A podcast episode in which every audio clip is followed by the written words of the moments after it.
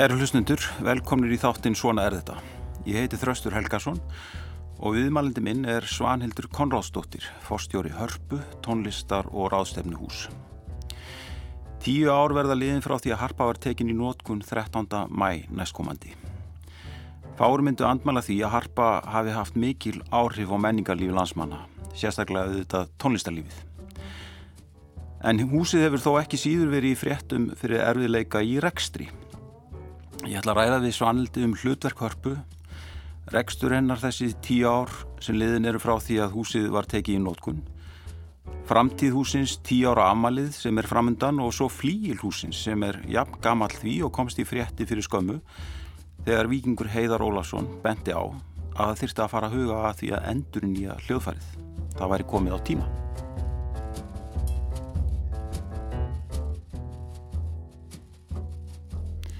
Svanildur, velkomin í þáttinn. Takk kærlega. Byrjum á flíklinn. Já. Er komin einhver svona reyfing á þetta mál frá því að vingur heðar vakti máls á því? Já, sko, já, já, það má segja að það er alveg reyfing á málinu og, og raunar vorum við nú farin að stað fyrir, hvað ég að segja, einu og halva ári síðan eða svo að huga að því með hvað hætti við gætum fjármagna þessa mikilvæg og nöðsynlegu enduníun. Mm vegna þess að það er þannig og þetta hérna, þekkja nú ekki nema kannski alveg þeir innvíðustu í þessi mál að þegar koncertfliklar eins og þessi eru orðnir tí ára að þá svona fara er að missa ákveðin kraft það þýðir ekki það að þeir séu orðnir eitthvað ómögulegir eða, eða einhver ræksni eða alls ekki en þeir kannski eru ekki eins öflugir í að drífa í sal eins og eldborg á, á einlegstónleikum eða í gegnum symfóniljónsett eða hvað það er. Já og, og þess vegna uh, er nöðsilegt að fara að huga þessu. Mm. Sko ég er þeirra skoðunar og, og mörgum finnst ég mikil bjart sínis manneskjar, uh, manneskjar að þýrleitinu til. Mér, mér finnst svo uh, augljóst og, og svo mikil tækifæri og falleg tækifæri í því að einhverjir takir sér nú til og gefi þjóðinni, mm. gefi húsinu flíil í tilöfna tíu ára amalinu. Mm. Það er talsvert af af fjársterku og velviljuðu og, og hérna, menningarsinnuðu fólki til og fyrirtækjum og ég hef nú svona verið á þeirri skoðun að, að, að hérna, það væri gott að kanna þá leiðina fyrst. Mm. Það hefur svona ímislegt verið gert til þess að, að þreyfa á því en, en því mér er engin nýðstaf komin í malið. Þannig Nei. ég alveg nota hér tækifærið og auglísi eftir velviljuðum og áhugaðsömmum um að hjálpa okkur við það hérna, eignast nýjan flíl. Er svona flíl dýr? Hann kostar svona 25 miljónir eh, þessi stænvegi, þessi hérna, heimsklassa flíklar sem er auðvitað það sem þetta hús á og þarf að eiga áfram. Já, og það, það er semst ekki peningur bara inn í rekstri hörpu til þess að leggja út fyrir. Sko auðvitað snýst þetta allt um forgánsröðun og, og það má alveg segja það að ég menna harpa er að verja á hverju ári einhverjum 20 miljóna í endurníun á búnaði, mm. Eh, tækni búnaði húsins viðbörða tengdum búnaði. Það er hins vegar engan veginn nóg, það er ekki, ekki nándar næri því nóg. Mm. Það var fjárfest í, í búnaði í húsinu upp á 2,5 miljard í byrjun mm. og það segir sér sjálft að eftir tíu ár og löngu fyrir þetta þann tíma er, er nöðsynlegt að endun í að þann búnað með miklu, miklu örari hætti heldur en við höfum náða að gera. Já. Þannig að, að hérna, þetta var nú rætt síðast í stjórn hjá okkur í síðustu viku þannig að það eru allir, allir mjög áhugasamir og meðvitaðir um flíklamálið. Þannig að ég, ég er algjörlega samfærið um það að þetta mál mun leysast á amalisárinu. Já, já, frábæst. hérna, en sem sé það, nú eru, hérna, nú er þín menningastofnin eins og flestar eru búin að gangi gegnum þetta COVID ár. Það er rétt rúmt ár frá því að öllu var lokað. Og... Já. Þetta hefur haft gríðarlega áhrifið ekki á, á reksturinn bara og, og starfsemi hörpu? Jú, þetta hefur haft gríðarlega áhrif vegna þess að, að, að eins og við vitum öll að þá snúast þessar aðgerðir gegn eh, verunni að svo miklu leiti um takmarkanir á samkomum mm. og, og það þarf ekki að hafa mörg orðum það, við, við finnum það öll og vitum hvað, hvað það þýðir, hefur þýtt fyrir viðburðahald í landinu mm. og sem er kjarnastar sem er hörpu þannig að, að þetta hef, hefur verið ótrúlega mm, skrítinn tími e, þetta miklar áskoranir en líka mikið lærdómur. Já. Og, og þetta, þetta segir okkur að, að, að bæði þetta, ef maður fyrir hand húsins má segja sko, þetta þýðir það að við þurfum að vera alveg óendanlega sveianlega og óendanlega uh, tilbúin til að hugsa út fyrir kassan og finna nýja lausnir og vinna þetta þétt með viðskipta vinnunum vegna það, er, það eru hundruður í raunni viðskipta vinna, einstaklinga fyrirtækja aðila sem er að leia sig inn í, í húsið, allt frá smæstu fundum í fermingarveislur í, í risastóra ráðstefnur, alþjóðlega ráðstefnur og tónleika þetta allt þarna milli. Og, og mitt fólk í hörpu hefur uh, er frábærlega samstiltur og öflugur hópur og er það enn frekar í dag en, en að var fyrir árið síðan og þau hafa staðið sér frábærlega í því að, að vera þólumóð og ærulegs og finna alltaf lausnirnar einhvern veginn og endur skipuleggja og, og bara taka, takast á við aðstæðunar eins og það er á hverjum tíma. Og það þetta reynir á. Og ég saði í byrjun þessa við mitt fólk að það var svona bara mín tilfinning og var svona spekla kannski líka bara persónlega tilfinningu að ég sagði við þau sko nú skulum við búa okkur undir það að þetta geti verið jável sko snúnari tímar framöndan mm -hmm af því við erum, sko, við, við höfum á tilfinningunum, við höldum að við sem komin út úr diffstu krísunni og þá er þessi, sko, orka, þessi mikla, hérna, eh, orka sem að maður hefur til þess að lifa af og, og, og svona eh, komast í gegnum hlutina og vera peppaður og allt þetta, þú veist, hún er svolítið, ég segi ekki búin, en hún verður einhvern veginn allt önnur. Þegar, þegar við tekur eitthvað ástand sem er minni krísa, mm -hmm. langvarandi, en hlutinir eru ekki orðnir venjulegri, eðlilegri eins og við vildum hafa þá mm -hmm. og þá verður fólk svo langþreytt sko og þá er svo hætt við að fólk gefist einhvern veginn upp mm. þannig að við erum búin að fara í gegnum allt þetta eins og örglega bara allir já, já. en áhrifin á reksturinn hafa verið uh, geysilega uh, mikil, við erum núna undirbúa aðalfund félagsins sem verður núna 15.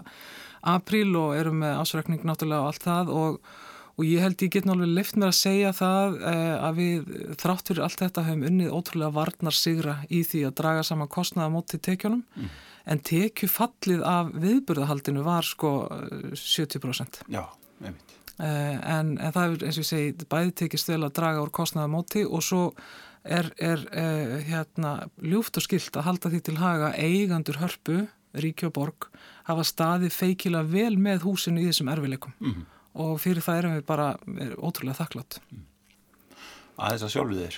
Hérna, svo, að hlustundur rýju upp hérna, hvernig ég er að tala. Já. sko ég man alltaf bara fyrst eftir í sjómarpinu fyrir einhverjum var það um aldamóti síðust Já, já, ég meina það er alveg hérna, það er 25 ár síðan eitthvað svo leis og, og hér, þú varst í hétt ekki þáttur í dagsljós Jú, þátturinn hér dagsljós, þetta var uh, algjörlega frábær þáttur Já. og, og um, var í beinni útsendingu alltaf eftir fréttir. Já. Ég held að á fyrsta árið, það var náðan og ég kom inn í hann, þá var þetta sko bæði fyrir og eftir fréttir, þetta Já. var mjög metnaðafullt og, og mikil svona framleiðsla, mikil pródúsjón og mikil tekið út úr húsi og þetta var, var framleitt sko leikið efni og og, rannsóknarbladamennska þarna og all, allur fjandin sko, ótrúlega skemmtilegur og, og gefandi tími. Ég var, var í honum í þrjú ár. Já, og komstu beintinn í hann bara úr námi eða? Já, þetta var nú, þetta er eins og svona nánast allt í lífinu, bara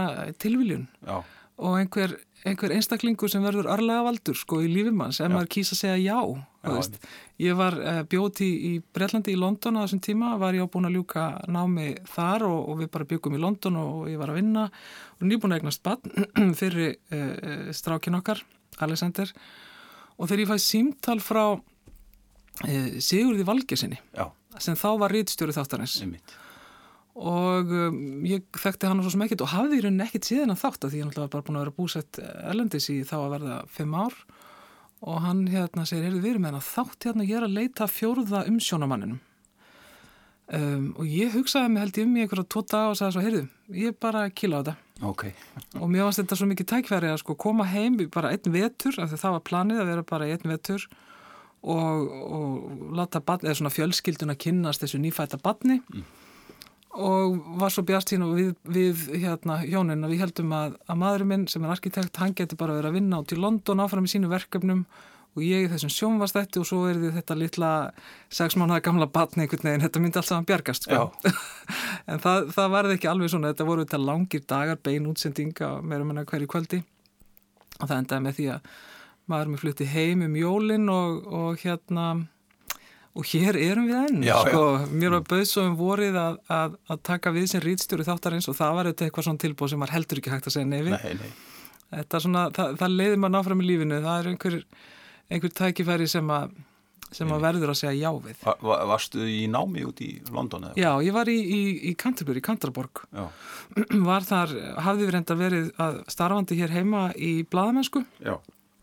Bæði á, á dagblöðum, reyndar ekki lengi á dagblöðum en, en uh, á, á hérna starfað á mannlífi í nokkur ár og var uh, rítstjóri þar uh, búin að vera held í tvö ára aðan ég fór út eiginlega hlægilega ung, ég skil ekki þessu fólki sem treysti mig fyrir því, Já. en ég læriði nú svona undir handar í aðri Árna já. uh, sem er nú betri læri fæðir en engin í bladamennskunni og býja því eiginlega alla tíð Það segir við. Já, við erum miklir, miklir vinir en hérna, en ég fór svo út að, að uh, bara, já, bara ákvaða söðlum og læra svona ímyndarfræði, svona samskipt á ímyndarfræði, Communication and Image Studies Já. í Canterbury sem var alveg ný grein, Einmitt. múðalega smart eitthvað. Já. Uh, síðan, uh, síðan ferðu semst að starfa hjá Reykjavíkuborg, eða ekki? Um, jú, eftir sem sagt uh, dagsljós árin þá gerði ég reynda stuttstopp hjá listaháttíð í Reykjavík Já. Og, og fór svo uh, var ráðinn að beðan að koma uh, með í uh, það frábæra verkefni Reykjavík menningarborg Evrópa árið 2000 Mm. og það var alveg sjálfstætt verkefni sem að var hérna fjármagnað uh, af Ríki og Borg í sammenningu og síðan kom nú atvinnulífið líka myndarlega því og þar var Þórun Sigurðardóttir í, í fórsvari uh, með uh, endveðis fólki í stjórn og þetta var ótrúlega líka skemmtilegur og lærdómsríkur tími.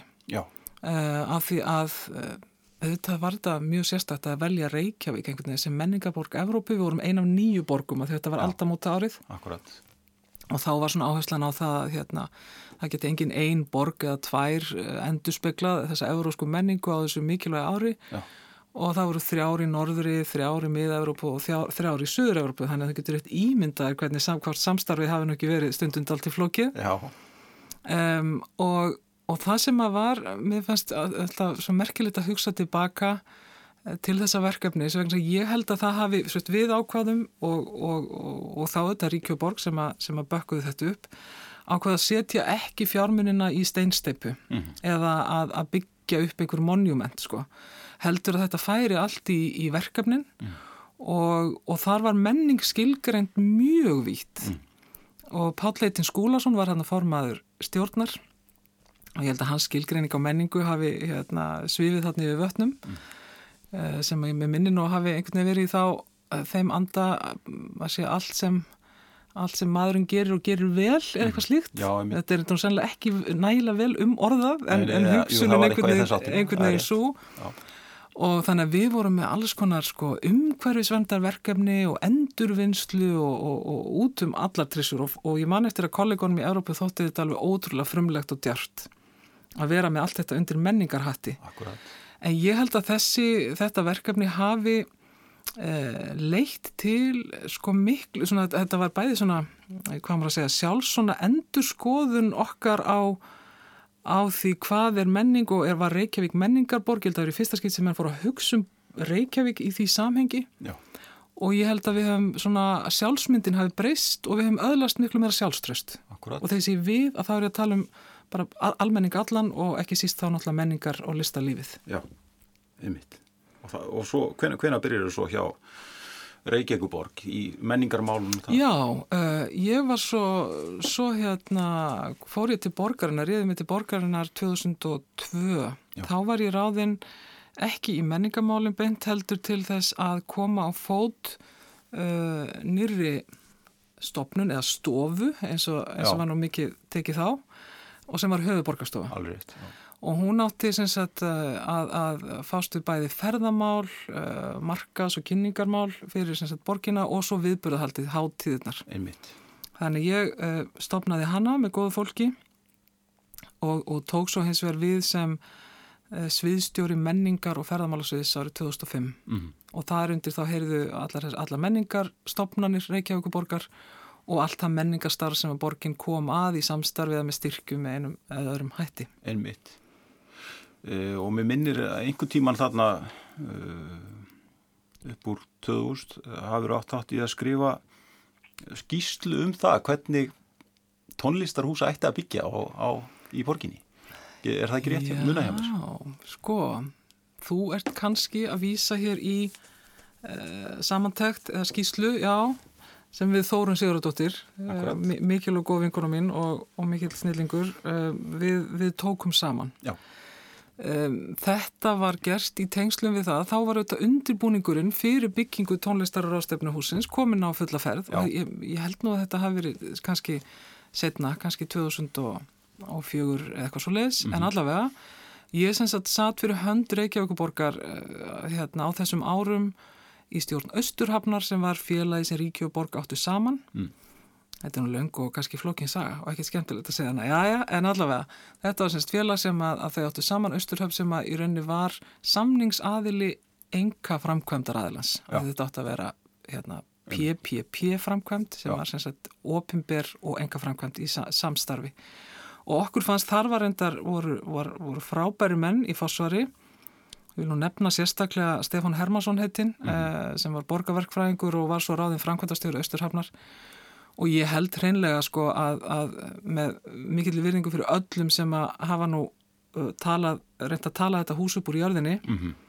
Og sapna fyrir því og allt það, þá hefði það nánast ekki gerst nema fyrir hans miklu aðtorku og, og, og kraft. En okkur fannst verkfræðingarnir aðeins síðan það mætti hjálpaði möluti við að fá betri sín á innihaldið mm -hmm. á starfsemina og á þarfir eh, menningarlífs og tón, tónlistarlífs. Þannig að við suðum nú saman einhverja, einhverja skýslum um þetta. Já. ég þurfti nú að rifja þetta upp. Já, hérna ef ég maður rétt á að til dæmis tala þar um svona stærð húsins og stærð salana og svona. Já.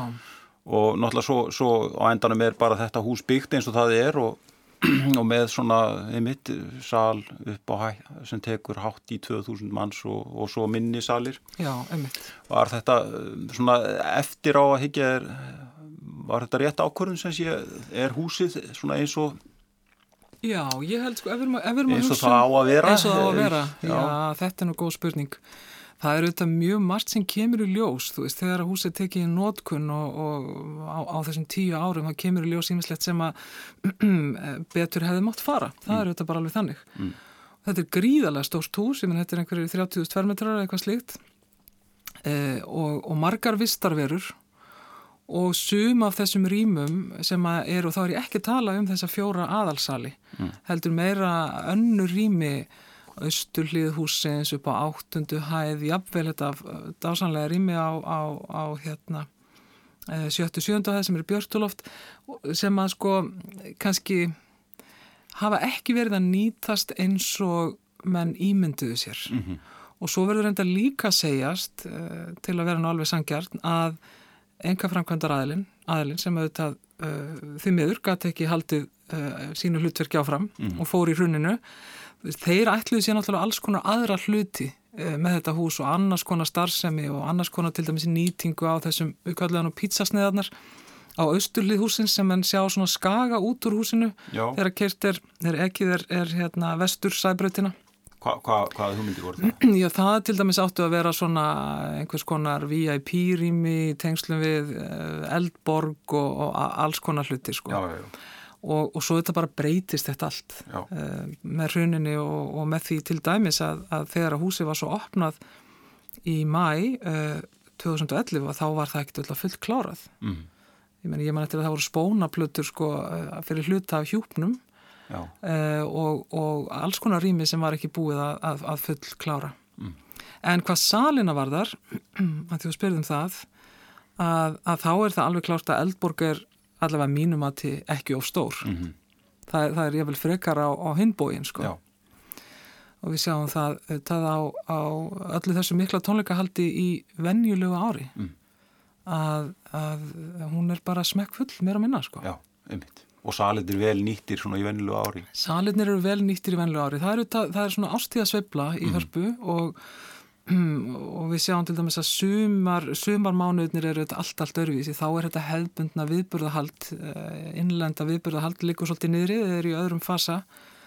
Eh, þá hefum við verið að horfa meira til, til ferða þjónustunar en það hefur nú ekki alveg náðst að, að kannski útfæra það á besta veg. Ég allavega sé mikil ónýtt tækifæri í því að, að, að allir að svona, hvað maður að segja, að bjóða öllum þessum mikla fjölda sem kemur inn í hörpu af ellendum ferðamönnum.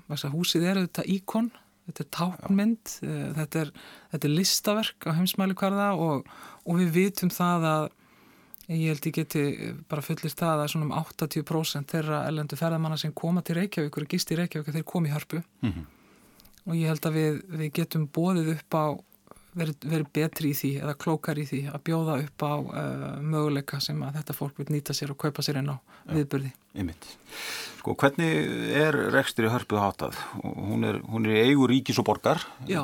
svona ríki á rúmlega helming og borg tæplega. Já.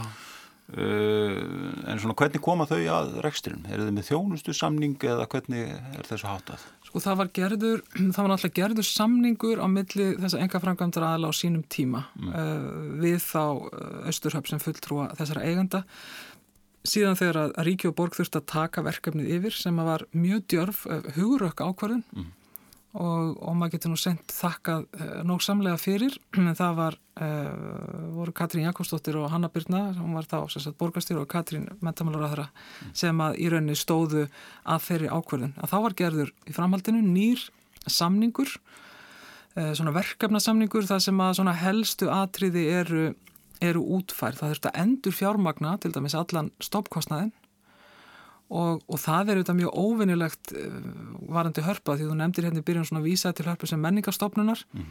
hún er náttúrulega ekki menningarstofnun og til dæmis að þá er það þannig að, að meni, þetta hús var mjög dýrt í byggingu og, og sá stoppkostnaður er, eh, var fjármagnaði með skuldabrifi sem er bara hreinlega á markaði hjá Nasdaq mm. og, og eigendunir eru á borga var gerðið samningur um að greiða af í, í 35 ár mm. en hérna Uh, en síðan til viðbútar við þann samninga þá er, þá er, er, er eiganda stefna uh, í gildi sem að hveður á um það hvert hlutverk hörpu sé og hvernig við erum að sinna því hlutverki. Það er eiganda nefnd sem er, svona, sem er skipuð að, að jöfnu Ríki og Borg sem er svona samráðsvettvangurinn og síðan er það þetta eðlilega eigandunni sem að, að tilnefna í, í stjórn. Mm -hmm. Þannig að það er fimmanna stjórn yfir hörpu uh, þar sem að hérna Eh, já, eru fulltrúi ríkis, ríkis og borgar. Akkurat. Svona hvað, hérna, sko, það, það, sko, harpa hefur verið í fréttum út já. af svona rekstrar örðuleikum. Já. Eginlega bara öll þessi tíu ára ef ég mann rétt. Mhm. -huh. hvað, getur aðeins útskýrt svona í kjarnað fyrir okkur hvaða er sem veldur rekstravandlanum? Ég held, sko, minn ágætti fórveri Haldur Guðmundsson, hann skrifaði nú pistil sem ég held að hann, hann byrta hann í fyrra, held ég, ég held að hann hafi gert hann ofnbjörn í fyrra, ég hef búin að vita á hann í nokkur ár, mm. sem að var, yfirskriftin var sko Kafka við Sæbröð og, og þar notar hann söguna af skiltinu við Sæbröð sem kannski svona táknmynd fyrir ímislegt sem, sem að harpa svona hefur verið átt við að etja. Sko ég er á þeirri skoðun að, að hérna, þetta rekstra mótel, þú veist, það gangi bara ekki upp mm. e, og, og það er svona kannski ákveðin svartipjötur í þessum spilastokki þó ég eiginlega vil ég helst hvorki leggja það á okkur nýja hlustendur að tala mikið um það en það er að húsið er að greiða rúmlega 300 miljónir í fastegna gjöld mm.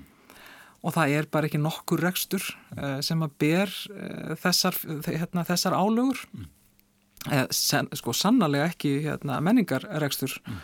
og sem eru tal hluta til svo samkjörnmisrekstur sem er, er, er aðstefnuhaldið e, þannig að það eru það er svona þessi stóri hluti og kannski það sem tengis bara fastegninni heilt yfir. Harpa er í raunum að segja sko eins og ég sagði á hann listaverk. Mm. hjúpurinn er, er listaverk.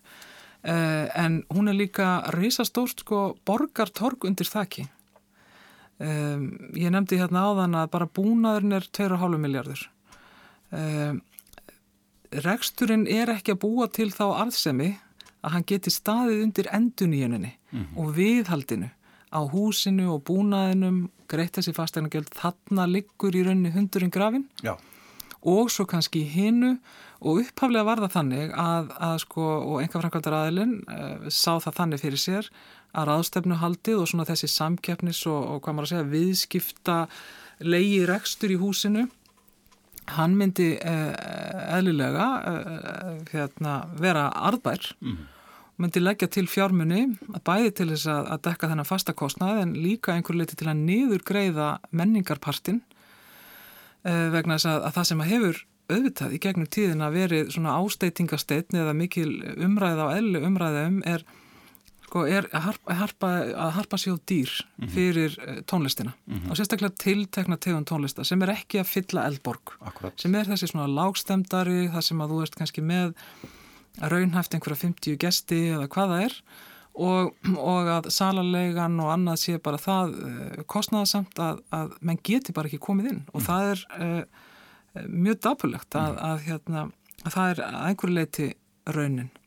En, en hugmyndirna voru þær að bæði myndi þessi samkermisregstur greiðanið menninguna og síðan ætlaði þáverandi e, fósfarsmaður, enga framkvæmdara aðlands, að búa til sérstakann menningarsjóð mm -hmm. sem þá var, hugsaðir það sko, fyrir, hvað er að segja allir ekki, 15 ár síðan eitthvað svolítið, sem þá var sko átt að vera 100 miljónir til þess einmitt að setja í menningar viðburði og til þess þá að, að auðvelda þeim sem eru ekki á svona viðskiptalegum grundvelli, skulum við segja, með sitt viðbörðahald mm. uh, að komast inn í húsið. Svo var þetta bara með öðrum hætti og, og fullur skilningur á því að, og þetta, hérna, satt nú þeim megin við borðið, sko, þegar að ríki og borg sem að sannarlega áttu í sínum erfileikum eftir hrun og að þú veist að menn áttu ekki mikið af peningum, sko, til þess að setja í reksturinn. Þannig að, að það hefur svona verið, að það nú mikið tekið þessa dana að nota jarfræðilega líkingar, það er ákveðið misgengi Já. sem hefur verið í þessum rekstri frá fyrsta degi.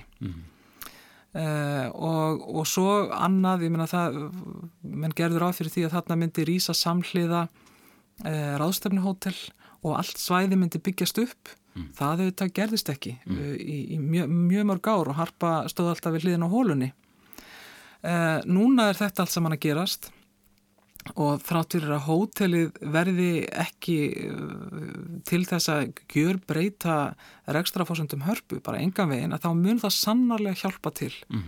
og það er fullt af tækifærum þar í, í samstarfi en það mun ekki breyta þessum grundvallaratriðin þannig að þetta er þetta misgengi Já. Eh, hefur verið nokkuð sem við hefum verið í mjög góðu samtali við, uh, við eigandusins túsins frá því ég kom hann inn Uh, og, og það sem hefur staðið upp á okkur sem erum að reyka húsið er að sína fram á það að við séum að gera það á ábyrganhátt og eins vel og kostur er mm -hmm. það er þetta má alltaf gera betur en, en bara rína allt í döðlur reynlega skoða framlegðina af mismunandi viðburðum átt okkur á því hvað við getum gert með hagkvæmari hætti og svo framvegs og þetta er vinna sem að, að, að hérna Ég allavega að setja af stað eh, þegar ég kom hann inn og þetta hafði verið í gangi. Ég er mhm. ekki að, ekki að hérna, segja það, alls ekki.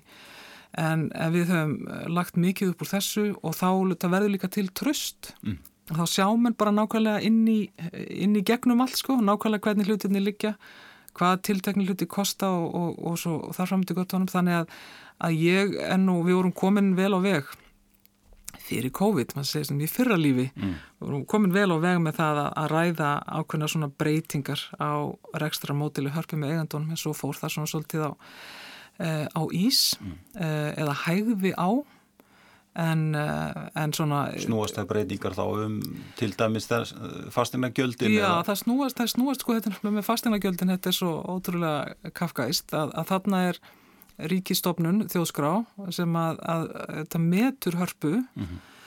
uh, hérna, er með fastegna matið og harpa vann nú í, í hæstarétti það mál Já.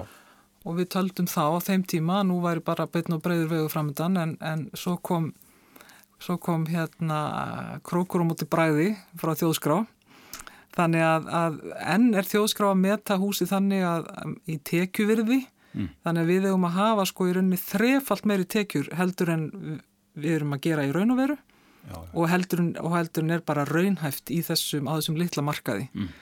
Og, og svo er þeirri fastegnagjöldin afleit stærð af þessu fastegna mati en, en margir held að borgin sé sko vandikallin í þessu en borgin er auðvitað bara rukka þau fastegnagjöld sem eru eh, sem, sem að hérna, leiða af þessu mati mm. Þannig að, að lausnin fælst ég á að hluta til í því að finna leiðir til þess að aflétta þessum þungu byrðum sem að mm. tengjast fastegninni sérstaklega og það eru ímsa leiðir til þess og svo uh, og, og það eru þetta líka til þess að bara tryggja þetta nöðsynlega viðhald á þessu dásamlega húsi mm. þannig að ekki viljum við lendi því við sem eigum húsið, við öll að kannski eftir einhver ára þá bara verði einhver, einhver gríðarlegur reikningur vegna þess að það hefur verið látið drabbast niður. Ég held að spórin hræði nú í því varandi ímsar ofinbæra byggingar. En, en svo er, er kannski hinlýðin á þessu og það er að, að tryggja það þá eða finna leiðir til þess að, að harpa geti sint þessu menningarhlutverki sínu. Mm.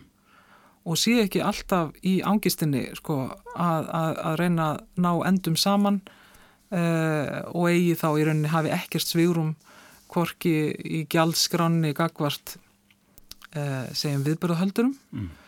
listamönnum en ég heldur eh, þá viðbörðum eða starfsemi á eigin vegum sem eru þá til þess að, til þess að í rauninni þjóna samfélaginu. Já, einmitt. Það, það margir hafa einmitt velt því fyrir sér svona hlutverki hörpu í tónlistar og menningarlífi landsmanna og, og þá sérstaklega einmitt frumkvæði húsins í viðbörðahaldi sem þú nefnir og það er sérstatt félag um þá starfsemi í húsinu uh, rækstrafélagi Hörpu Strengir sem var stopnað árið 2013 og hefur það lutraka standa fyrir völdum viðbörðum sem markaspor í Íslensk tónlistar og menningarlíf og myndu ekki verða veruleika án aðkomi félagsins eins og stendur í, í, í hérna í reglum um, um uh, þetta félag.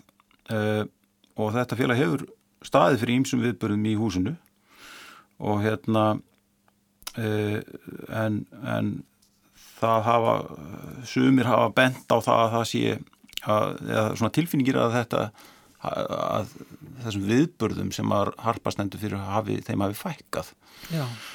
með árunum mm -hmm. er, er það rétt er, er hugmyndin að gera meira mm -hmm. hver, hver er staðan á þessu félagi? Sko, það er alveg rétt að þessum viðbörum hefur fækkað. Ég held að á fyrstu árunum að þá fórum hennar stað af talsverðin krafti. Auðvitað var, eh, fjár, hérna, var félagið ekki, ekki fjárstert en það var samt á miklu betri stað heldur en það varð svo. Mm. Uh, til dæmis þegar ég tók við því hérna í voru 2017. En, en allavega að, að þá framanaf uh, stóð félagi fyrir komum stóra hljómsveita, glæsilegra hljómsveita og, og annar viðbyrju sem hefur nú verið árviss eh, þanga til núna hérna á síðast ári og það er eh, Santi Pétursborgar ballettin sem er nú svona hérna, mjög vinsæl mm -hmm. fjölskylduvætni viðbyrjur en annars hafa þetta verið eh, almennt séð eh, klassískir viðbyrjur mm -hmm. svona á heimsmæli hverða margir hverjir eh, sem að eru það dýrir að það myndi enginn taka það að sér að, að, að fá til dæmis eh, hérna, Berlínar fílharmoníuna eða, eða nú síðasti viðbyrjun sem við vorum með um, eða svona hljómsveita viðbyrjun eftir að ég kom hann inn var, var Budapest Festival Orkestra. Uh, og, og það er bara því miður þó þú seljir fulla eldborgu sinnum tveir að þá, þá ertu samt aldrei að ná upp í kostnað. Mm. þannig að, að hérna, það hefur dreyð úr þessu hins vegar höfum við verið í uh, stefnumótun, settum hana að stað fljótlega eftir ég kom til starfa og mótuðum þar, uh, þetta er sem stefnumótun sem að tók, við gáum okkur mjög góðan tíma, ég held að það verið einhverjir áttján mánu í rauninni þegar allt var talið, kalluðum mjög stóran hópað borðinu, unnum hana út frá svona hugmyndafræði design thinking sem að gengur mikið út frá einmitt notandanum og upplifunni mm -hmm. og, og þar er alveg skýrt að við teljum að til þess að húsi geti sint hlutverki sínu að þá þurfum við að hafa dagskrástefnu. Það var aldrei haft dagskrástefnu. Og, og hún var í rauninni komin uh, í fyrralífið þarna þannig að COVID bara stá. En þar eru áherslur á það og það má alveg segja að það er, er, er áherslunar í stefnumótunni að harpa sé heima völlur íslenskar tónlistar en hún er líka heimsvið fyrir alltjóðlega ströma. Mm og, og það kannski er á báðum þessum sviðum sem að húsi sjálf getur eh, eða hefur bara mikilvægur hlutverki að gegna mm. eh, og eh, en ég er reyndar þeirra skoðunar að, að, að húsið verði að stíga mjög gætilega til jarðar þess að mér finnst vera hlutverk þess fyrst og fremst að svona, hvað maður að segja stækka möguleikan að stækka kökuna þá að, þá að verða til þess að fjölga sjálfstæðum viðbörðahöldurum mm. þá ekki að drepa af sér sko, hérna, alla, alla litlu staðina eða gleipa allt sko. heldur þarf það að vera til þess að veginn, segja, allir eblist sko. Mm -hmm.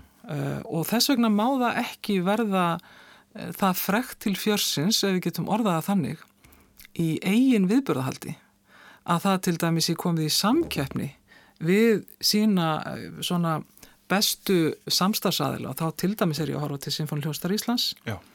Eh, eða Íslensku óperunar eða, ég meina það eru þetta svo fjöldamarkir ég meina Sena Live er, er mjög stór samstagsæðili eh, í húsinu þannig að það þarf að finna þennan fína balans mm. og, og hérna og það þarf auðvitað að hafa fjármunna Já. vegna þess að við getum þá illa farið í viðburðahald sem að er eh, hvað maður að segja, skilar miklum sko afgangi, af því þá er það eitthvað sem að kannski sjálfstæðu viðbúrahaldararnir getur allt eins vel gert. Mm. Þannig að áherslunar eru í dagsfaggerðinu, jú, á þessa stóru alþjóðlegu viðbyrði en þá og, og þá í samstarfi við aðila, hvort sem það væri symfó, listaháttíð eða, eða hverjir aðrir. Viðbyrði síðan, svona sem aðrir gætu aldrei. Já, þú veist þessa stóru glæsilegu hérna, viðbyrði og, og það er alveg hægt að segja það uh, hér að því að það er hérna, uh, skiptir ekki máli úr því sem komið er að, að það var alveg til alvegleira skoðunar eða var til skoðunar skulum við segja þegar vorum að undibúa ammælisárið að fá vínarfílhormónina uh, í hörpu mm. það augljóslega hérna, það varði ekki af því mm. Þannig við vorum alveg að hugsa eftir þessum, þessum nótum sko. Já og svo er þetta annars konar músík, ég meina það er jazz og, og, og alls konar sko sem að eh, eru, er þannig að, að menn kannski ráða ekki við það einur og sér hvort en það verið jazz átíðið aðrir mm -hmm. að flytja inn alþjóðlega listamenn Já. og ég held líka sér tækifæri í því að húsið sé í, að, ef við horfum á hinvegin sko, sé samstarfi við svona sýsturhús eða önnur hús á Norðurlandunum eða í Evrópu mm -hmm og geti þannig farið í einhvers konar samprodúksjón, samframleiðslu á, á viðbörðum sem að fara þá á milli húsana og þar getur líka verið, verið mikil tækifæri fyrir íslenska uh, tónlistamenn að, að fara í gegnum eitthvað slíkt verkefni. Mm. Svona, uh, hvernig, hvernig sérðu fyrir þér framtíð, framtíð húsins svona í, í, í stuttumáli? Svona, uh, Já... Sko hún er náttúrulega björst. hún er björst vegna þess að, og ástæðin fyrir ég segi það er að það er svo, um, sko þrátt fyrir erfiða byrjun, skulum við segja, og þú mannst það nú eins vel og ég að mm. þegar að harpa var opnið á sínu tíma þá voru þetta svona erfiðir tímar og miklar tilfinningar mm. og, og sömur litu á húsið sem svona tákmynd rángra ákvarðana og græki og alls sem ílla fór. Mm -hmm. og það tókt alltaf tíma að vinna að vinda ofan af þessu mm og mhm. vinna skulum við segja svona trúnaðatröst og velvild. Mm og, og það er að segja það með sanni af því að við höfum mælta ítrekkað að, að harpa nýtur þessarar velvildar. Mhm og eila svona væntumþykju. Maður finnur svona að það er bæði svona væntumþykja og stolt sem að byrtist í viðhórskonunum sem við gerum. Og við höfum látið mæla það hvernig fólk er að nota húsið. Og það er algjörlega líilegur fjöldið að hlutfall þeirra sem er sérstaklega býr á höfuborgarsvæðinu en líka á landsvísu sem hefur komið í hörpu uh, eða hafði komið í hörpu þegar þetta var gert. Mm. heldur 12-18 mánuðina þar áður og, og jákvæðnin í þeirri mælingu var einhver svona 78% mm, ég held að verið, það var um 5% sem mældust, ne mældust neikvæðir mm. og ég held að þetta fyrir hvaða vörumerki sem er eða fyrirtæki eða starfsemi þá séu þetta algjörlega frábæra niðurstöður þannig að ég segi framtíðinu björnt vegna þess að eigendunir mm. sem er náttúrulega þjóðin sjálf stendur með húsinu mm. Og og þess vegna eh, bara er ég sannfærið um það að, að það finnist þessi lausn á misgenginu, við náum að búa til þetta jafnvægi. Og eigendurnir, og nú er ég að tala þá um í þrengri skilningi, Ríki og Borg eh, vilji og muni gera það sem þarf til þess að, að hámarka, skulum við segja, tækifæri húsins til þess að skapa verðmæti fyrir samfélagið vegna þess að veist, það er það sem ég brenn fyrir mm. í mínu starfi og í mínu hlutverki hérna. Mér finnst harpa vera svona hérna, verðmæta sköpunar bara maskína á mm. hverjum einasta degi þegar allt er eðlilegt þarna að þá finnum maður bara hvað, hvað er sko, hvað, hvað skona kraftur þarna er og þá er, þá er tónleikahaldið er eitt og listrænarstarfseminn en það er líka það, ég menn þetta er hús atvinnulífsins mm. þetta er vettvangur fyrir, fyrir uh, hérna, þekkingarmiðlun. Þetta er vettvangur fyrir, fyrir viðskipti. Og, og svo þetta er þetta, þetta stolt. Og að ég nefndi hérna áðan í spjallinu hvað áhrif verkefni menningaborg Európa árið 2000 hafði á svona sjálfsmyndin og sjálfströsti þá held ég að harpa hafi tilurð hörpu og auðvitað innihaldið hafi haft þau áhrif að við hugsum okkur svolítið í öðru samhengi en við gerðum fyrir hörpu.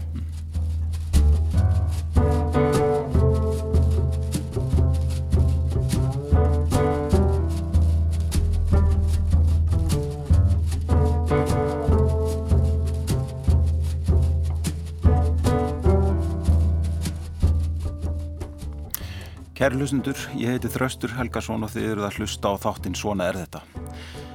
Gestur minna þessu sinni er Svanildur Konráðsdóttir, fórstjóri Hörpu.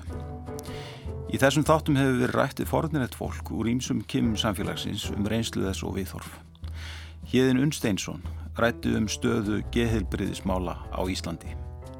Hægt er að hlusta á Svona er þetta í spilararúf og í öllum helstu hlaðarps veitum þegar við förum að reyna að kvantifísera þetta eða hlut gera þetta á sínum tíma eða Emil Kreplin sem er nú guðfæður gælætsfræðina startar fyrsta kursinum í Leipzig árið 1811 mm. það er ekki fyrir 1883 þegar hann aldraði maður. Hann kemur fyrsta sko greiningakerfið og það reynir hann að hlut gera sko já sex raskanir. Já, sex, já sex sjúkdóma. En í dag með svona fullri útfæslu á DSM-5 sem er þá síðasta greiningakerfi sem kemur núna 2012 þá erum við komin í alltaf 600 greiningar. Þannig að svona heldar makromyndin má maður til að segja að hinn normatífi rammi sé orðin ansi þröngur. Svanildur uh, áttu þér eitthvað uppáhalds tónlistarhús Erlendis, eitthvað hús sem þú horfir til svona sem, já, sem Já, þú segir nokkuð Um, ég hef nú ekki sko, heimsótt nægilega mörg eh, ekki eins mörg og ég vildi hafa heimsótt við getum orðað þannig en það hefur maður ekki beint uh, hleyft heimdraganum svona síðustu hvað maður að segja, já, alltaf ekki orðnir 14-15 mánuðir en það hús sem ég finnst algjörlega frábært mm. uh, eiginlega á allanhátt er Elbfílharmoni í Hamburg og þetta er hús sem að á ímislegt sameigilegt við, við og, og, og þau Harpa og Elbfílarmóni eiga ímislegt sameigilegt mm -hmm.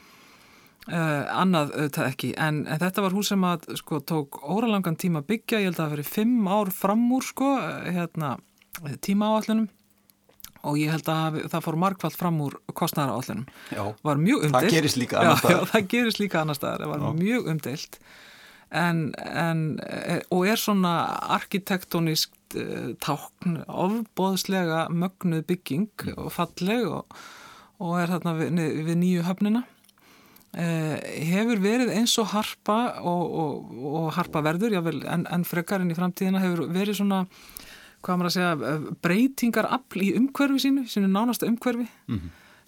um, og það er, það er annað sem að harpa sannarlega hefur gert en Eh, þau, ég, hérna, Harpa er semst er í tengslum við og er formlega aðili að uh, samtökum tónlistarhúsa á Norðurlandunum og svo erum við svona uh, hálgildningsaðili, þau, vilja mjög gert að fá okkur um borð en við höfum ekki alveg farið, ekki stíði skrefið að samtökum sem heita ECHO og eru samtök allra eila stæstu, glæsilegustu tónlistarhúsana í Evrópu. Já. og Elbfílarmóni er, er þeirra meðal. og Og, og það hefur nú svona, við erum með svona auka aðil skulum við segja þannig. Að þeir eru voðalega og þau voðalega hérna, áhuga sam um okkur og, og eru örlátt á upplýsingar. Þannig ég hef heimsótt Elbfílarmóni og verið svona að bera saman bækur um reksturinn og starfseminna en það er glæsileg starfsemið þarna á óskaplega mikið peningum frá atvinnulífinu, ekki já, síst. já, já, og það er eitthvað sem við bara þekkjum ekki hér. Nei.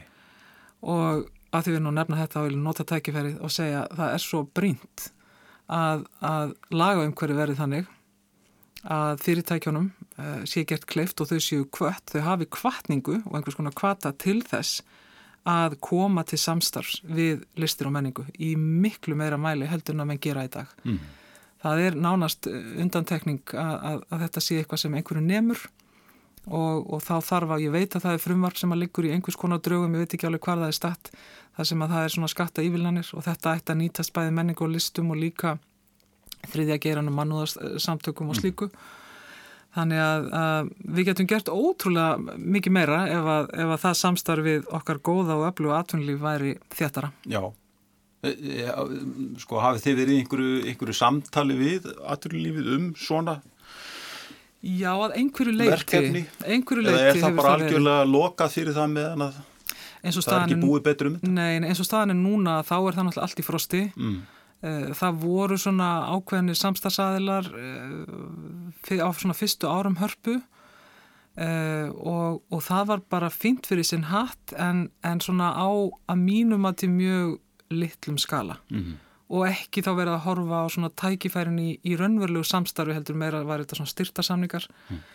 En, en við sjáum í borgum eins og Hamburg sem er auðvitað þessi hérna, þetta veldi, svolítið viðskipta veldi og all, aldagama gömul hefð fyrir því að bæði einstaklingar og fyrirtæki séu mjög virk í því að styðja við menningu og listir. Já.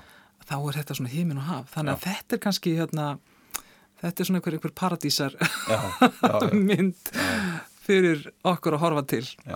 En eru, er svona rekstrar mótel sambarleira húsa í nákvæmlega löndunum okkar eru, eru þau mjög ólík því sem við þekkjum hér með hörpu? Já, ég held ekki til fullist að, sko þau eru auðvitað svo sem mörg og mismunandi en, en þegar ég hef verið að segja kollegonum frá okkar stöðu og sérstaklega náttúrulega þessu blessaða fastegna gældamáli mm -hmm. að þá þekkir engin neitt þessu líkt. Eh, það er misjamt sumstæðar þannig að, að húsin eru í eigu borgarna eða, eða ríkisins eða hvað það er og síðan er það bara samningur um reksturinn, allur gangur á því. Eh, en, en hérna ég get eiginlega fullist það að það er ekkert sem er eins og harpa. Nei, einmitt. Svo, svo geta maður dreyið sína álíktanir af því hvort það er gott eða slemt Já, akkurat. En sannlega, nú er uh, harpa að verða uh, 10 ára 13. mæna skomandi Hva, Hvað stendur til? Já, sko það, stend, sko, það, það, það stendur ímislegt til. Mm. En, en öll þau plön eru náttúrulega í stöður í endur skoðun og bara síðast í gær átti ég góðan fund með, með minni góða samstagskonu Melkorku sem er að, að hérna, er að svona halda utanum þetta amalishaldi eða undirbúningin eh, fyrir hörpu. Og við vorum auðvitað bara búið til plan B og C. Uh, en, en plan A sem sé, uh, er að hefja svona amalishaldi og svona viðbörðahaldi núna í apríl í kringum sumadagin fyrsta sem er náttúrulega fyrsti dagur í hörpu mm. og svona þá næstu tvo mánuði væri svona áhersla á, á fjölskyldu viðbyrði og ymislegt fyrir ungt fólk og börn og við varum svona með, með hérna augun á 13. mæi náttúrulega sem er hérna eiginlega amalistagur ætlum að vera með við, viðbyrði í Eldborg en mögulega verður það viðbyrður í aðeins öðru formi næsti stóri svona dagurinn er menninganótt Já.